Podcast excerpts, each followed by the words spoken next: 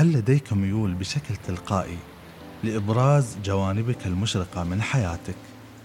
أم تجد نفسك أسيرا لتبرير وإخفاء الجوانب المظلمة منها؟ لا أقصد أن أدرج ذلك في موضع السوء بل إلى أي مدى نحن نافرون من النقد ومنجذبون للإطراء والتقدير؟ معاكم عبد الله الشحي أقدم بودكاست غيوم تهطل علينا حروف شيقة وموضوعات مختلفة. في كل حلقة أقدم لكم مضمون جديد من مزون المعرفة وشوي من زخات الإبداع. حلقتنا اليوم بعنوان صفاتك القبيحة.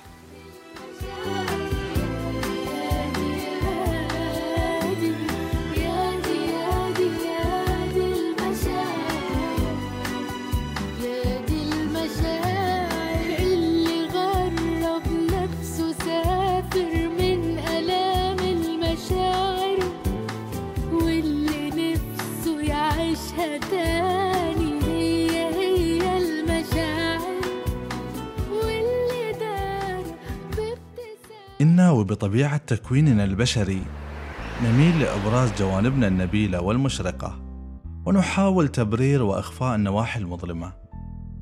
الأمر كما ذكرت لا يندرج في موضع السوء بل هو مكون ناتج ربما من نفسية الإنسان النافرة من النقد والمنجذبة للإطراء والتقدير فتعمد لإبراز ما يجلب لها الثناء وبالتالي يثري رضاها النفسي ويحفز ثقتها الذاتية.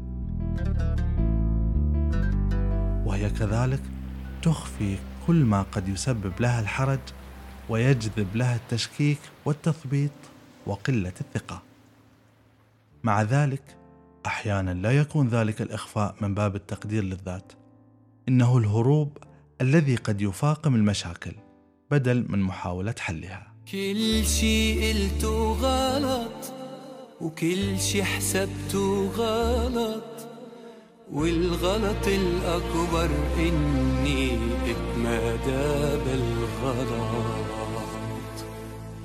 كل شي التردد الرهاب الاجتماعي التسويف تجارب الإخفاق أو حتى نزعات الغرور الغيرة وغيرها كلها قد تمثل لي ولك أحاسيس عدم الرضا.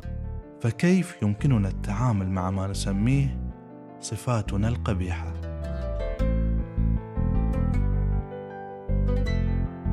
دعوني أخذكم بجولة سريعة في كتاب قرأته أهداني إياه أحد الأصدقاء قبل عدة سنوات. كنت أظن أنني وحدي في هذا ولكني لست كذلك. هذا هو عنوان الكتاب. لا يمكنكم أن تشعروا الأشخاص بالخزي أو أن تقوموا بازدرائهم ليقوموا بتغيير سلوكهم. استلهمت تلك الحكمة القيمة الباحثة برينيه براون لتكرس دراستها تجاه مفهوم الخزي وتأتينا بهذا الكتاب الرائع. كان الهدف من هذه المقولة هو دعوة للتعاطف مع الآخرين. بدلا من بذل سلوكيات الرفض والإذلال والتهديد أو حتى التثبيط مهما كانت مبرراتنا الإيجابية لذلك. نفسي أتجوز وأخلف حتة عيل والناس يقولوا ابن بخ راح ابن بخ جه ابن بخ راح ابن بخ جه. الله على إيه تخيل نفسك؟ وبعدين إحنا كلنا اولادك يا عم بخ. بقول لك إيه؟ سيبك من الصعبانيات دي بقى ها؟ ها وسمعنا حاجة حلوة تقول الكاتبة أنها كرست جزءا من حياتها من أجل تحليل ما يعرف بشعور الخزي ماذا بدر في ذهنك بعد سماعك هذا المفهوم؟ هل هي تلك الأحاسيس المرتبطة بالحرج؟ الإحساس بالذنب؟ أم ربطت المعنى بمشاعر الإحساس بالإهانة والإذلال؟ تقول الباحثة برينيه بأن الخزي هو شعور مؤلم للغاية أو معاناة داخلية للنفس نتيجة الاعتقاد باننا معيبون ولا نستحق القبول من الآخرين أو حتى من أنفسنا. وأشارت إن إحساس الخزي هو تسليط الفرد بعدسته المكبرة على صفاته السلبية فلا يرى في ذاته إلا عيوبها فتنكسر علاقته مع ذاته وتصبح هشة ضعيفة مهزوزة ومدمرة. هاي مو حوبتك مو حوبتك يا مانع. هاي قرادتي أنا. الله كتب لي القرادة. إني أطيعك وأقول أخوي العود. ما بيطلع مشوره إلين وصلت المواصيل. كبرت. سنين راحت من عمري. من يبيني الحين؟ من يبيني. ليتني طالع من شهورك ومو طايعك. إن الخزي لا يعبر بالضبط عن الحرج ويختلف نسبيا عن إحساسنا بالذنب. إنه شعور نابع عن علاقة خطرة جدا مع الذات ربما نتيجة كثرة النقد المعرض لها سواء كان داخليا أو من الخارج. هل جال بذهنك كما يجول بفكري الآن عن حجم الغرابة التي نعيشها أحيانا؟ إذ أننا نركز دائما على تحسين علاقاتنا الاجتماعية. نبحث عن كل ما يساعدنا لخلق صداقات جديدة أو توسيع دائرتنا الاجتماعية. نشعر بالفخر لعرض سيرنا الذاتية المفعمة بالإنجاز والبطولات وقوة السيطرة. كل تلك الأمور مهمة جدا بكل تأكيد ولا غنى عنها. ولكن ألم تفكر يوما بأن تمنح ذاتك تكريسا من ذلك الاهتمام الذي توجهه للخارج فقط وأن تبدأ من الداخل أولا لخلق علاقة عادلة مع ذاتك. أنا واخد الشهامة مبدئي دور على الرجوله هتلاقي.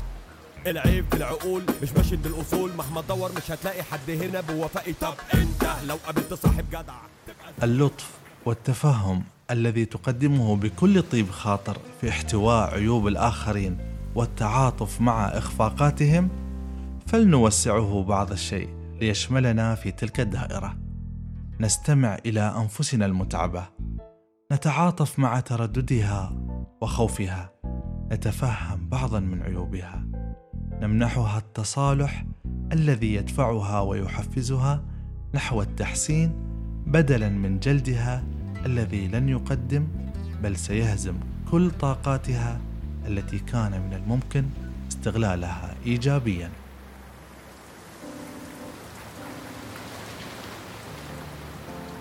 نواجه صفاتنا القبيحة بدلا من الهروب منها. نعترف بسلبياتها. نتقبلها لا أن نؤيدها. نعقد معها ميثاق سلام. فطاقة السلام قادرة على تحويل العقائد. فما بالنا بالصفات. إيه اصير أحسن ولو قالوا جنون؟ كلام الناس يهون مقابلا أكون أحسن فلا قال